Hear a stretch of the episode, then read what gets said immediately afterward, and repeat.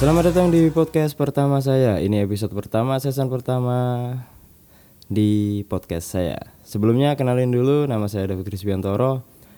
Dan saya juga kebetulan membuat konten juga di platform YouTube. Dan ini saya mencoba membuat podcast dan semoga bisa konsisten.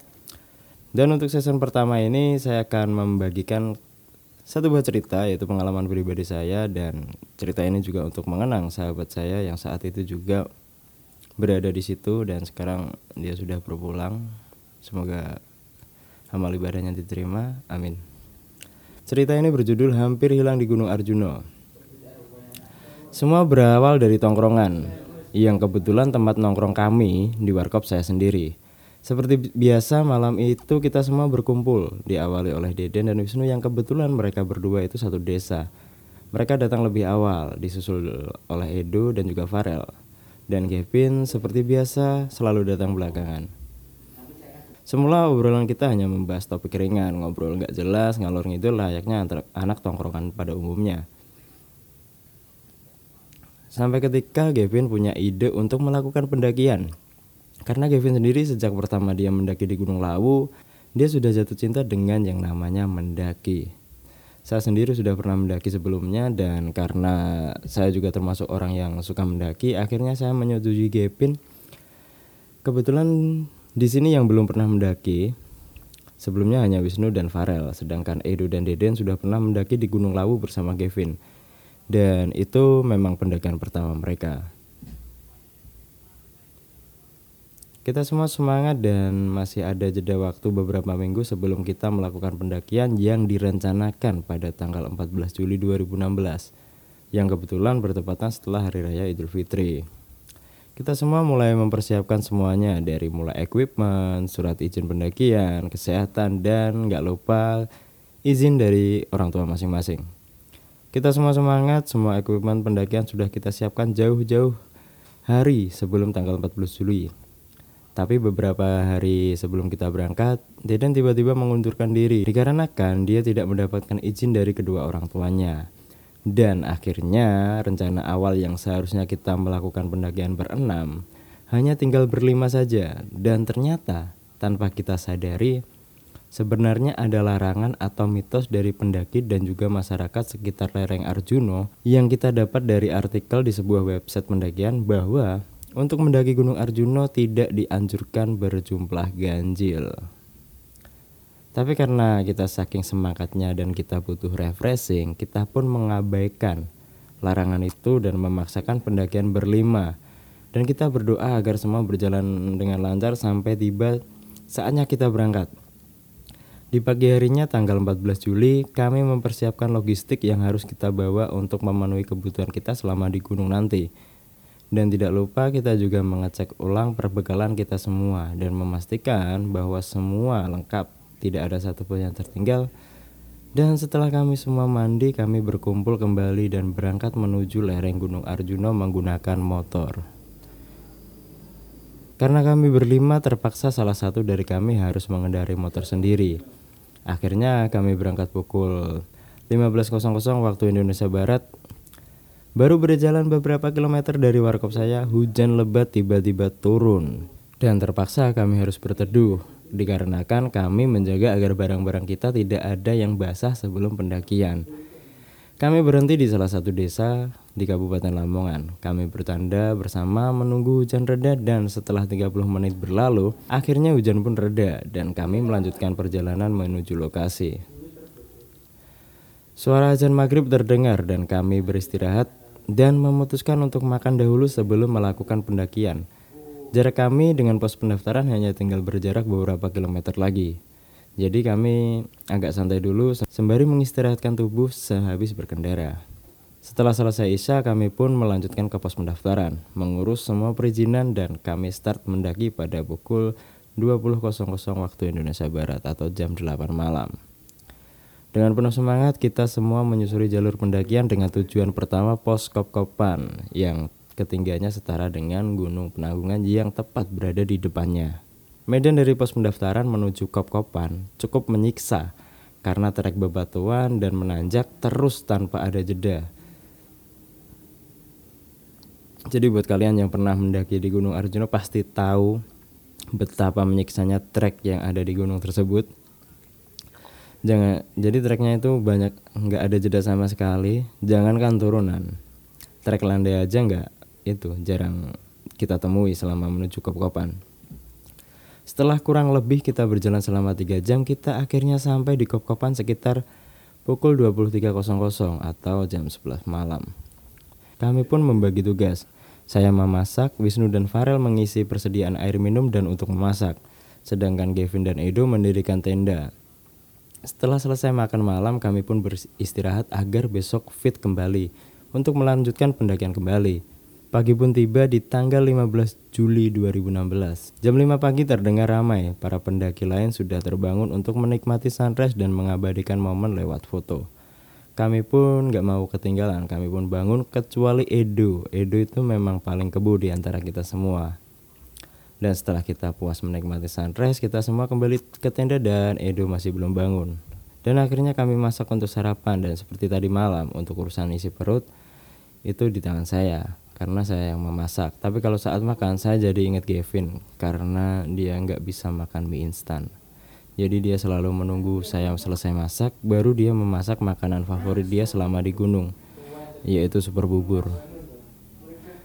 Kevin pun selalu menolak jika saya tawarkan agar saya saja yang memasakkan untuknya.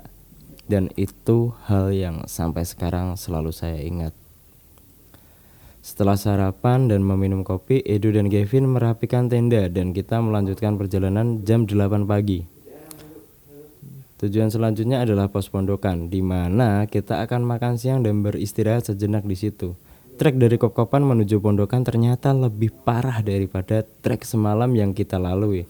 Jalanan berbatu, tanjakan curam yang tidak ada habisnya seolah-olah sudah menjadi menu utama di pendakian Gunung Arjuna. Setelah beberapa jam kita menyusuri trek yang sangat-sangat menyebalkan ini, kita pun beristirahat. Oh ya, Pas waktu berangkat dari Kopkopan, ada dua orang pendaki asal Sidoarjo yang bergabung dengan rombongan kami. Sekarang kami melakukan pendakian dengan anggota tujuh orang. Lanjut di saat kita beristirahat di tengah-tengah perjalanan menuju pondokan, Wisnu dan Farel dan dua orang anggota baru kami memutuskan untuk beristirahat lebih lama. Akhirnya, saya, Edo, dan Gavin melanjutkan trekking bertiga.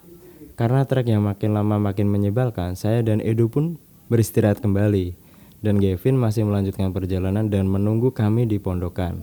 Akhirnya saya dan Edo melanjutkan trekking secara pelan-pelan dan memang dasarnya si Edo ini lambungnya besar. Dia selama trekking tidak henti-hentinya mengunyah makanan. Hingga saya pun ikut memakan mie instan mentah atas idenya si Edo. Akhirnya saya dan Edo tiba di pondokan jam setengah dua siang. Saya bergegas mengeluarkan senjata saya untuk memasak. Edo dan Gavin pergi mengisi botol air minum yang kita bawa. Sebagian lagi masih dibawa Wisnu dan Farel yang masih di belakang. Siang ini saya memasak nasi untuk makan siang kami. Dan akhirnya di tengah-tengah proses memasak, Wisnu dan Farel dan dua anggota baru kami sampai di pondokan.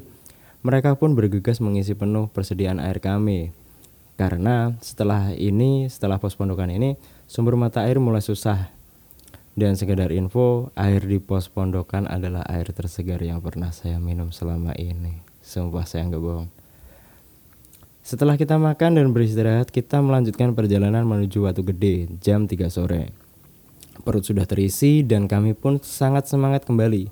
Kami bercanda sepanjang perjalanan dan tanpa kami sadari mungkin kita terlalu berisik dan ada beberapa kata kotor yang keluar dari salah satu anggota kami tapi semua terasa normal saja dan trek menuju Lembah Kidang pun sangat bersahabat. Banyak trek landai, hanya selang 30 menit kita sudah sampai di Lembah Kidang. Kami tidak beristirahat di situ. Tujuan kami adalah Watu Gede untuk camp di sana. Beberapa langkah kita meninggalkan Lembah Kidang, kami memasuki trek yang kanan kirinya itu adalah rumput rumput liar dan semak-semak setinggi dada kami. Di situ saya mendapatkan feeling jika trek yang kita lalui salah. Saya masih diam dan saya memutuskan untuk membuat tanda di setiap tikungan yang kami lalui.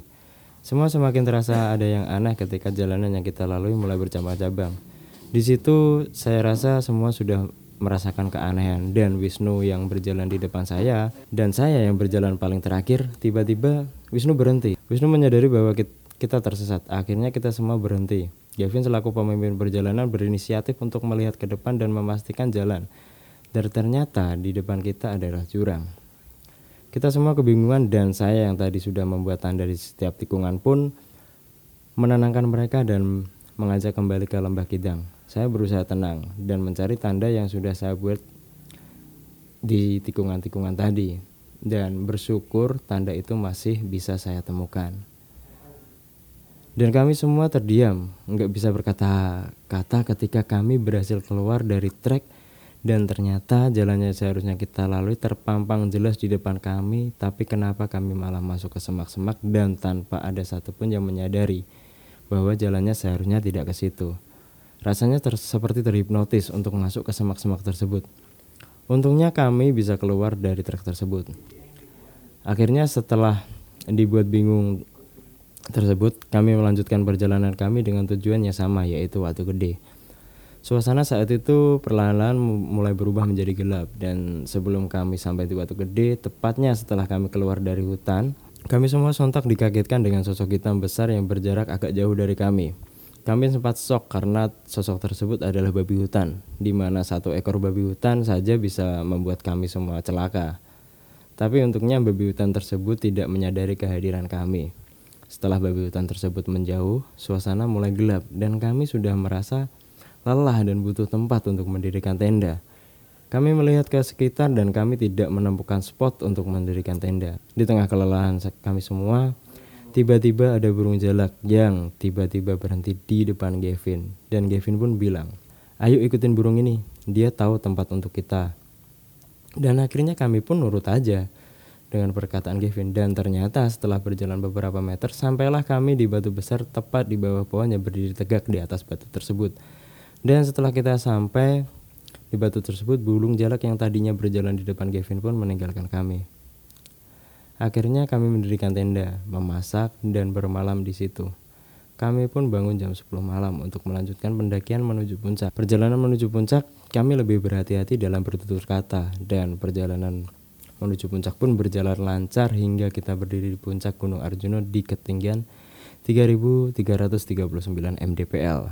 Setelah kami puas berfoto dan menikmati sunrise di puncak, kami pun turun dan beristirahat di pondokan untuk makan siang dan dan dilanjutkan menuju pos perizinan. Tidak sampai di situ, hal aneh pun masih terjadi ketika sampai di Kop-Kopan hingga pos pendaftaran. Sebelum sampai di pos kop-kopan, Farel yang bisa dikatakan mulutnya paling ceplas-ceplos tiba-tiba kakinya terkilir. Dan akhirnya perjalanan dari kop-kopan menuju pos per perizinan berjalan sangat lama. Dan di sepanjang perjalanan kami menciumi bau-bauan yang jika dipikir menggunakan logika tidak mungkin bau-bauan tersebut ada di gunung. Dan jam 8 malam kami pun bersyukur bisa sampai di pos perizinan dan kita semua sangat lega. Dan setelah beristirahat sejenak dan memasak kembali untuk mengisi perut, akhirnya kita pun lanjut untuk pulang dan jam 5 pagi kita sampai di rumah, sampai di warung saya kembali. Jadi intinya adalah ketika kita mendaki di gunung atau kita bermain di tempatnya mungkin kita belum kenal tempat tersebut seenggaknya kita harus cari dulu cari tahu dulu apalah apa aja larangan di tempat tersebut dan mitos-mitos apa aja yang ada di tempat tersebut. Jadi kita bisa seenggaknya kita bisa menghormati mitos-mitos tersebut.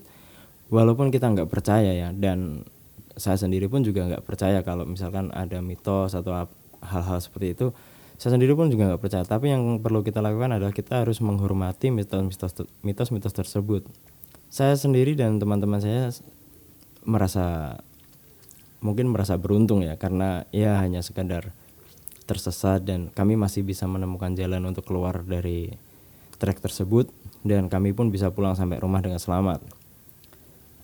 Dan juga perlu diingat bahwa tutur kata kalian jika berada di alam terbuka seenggaknya kalian bisa menjaga agar ya hal-hal buruk nggak terjadi sama kalian deh. Oke mungkin sekian aja untuk podcast pertama saya dan selanjutnya saya juga bakalan bikin konten-konten kayak gini terus. Saya David Krispiantoro, saya pamit undur diri. Sampai ketemu di season selanjutnya.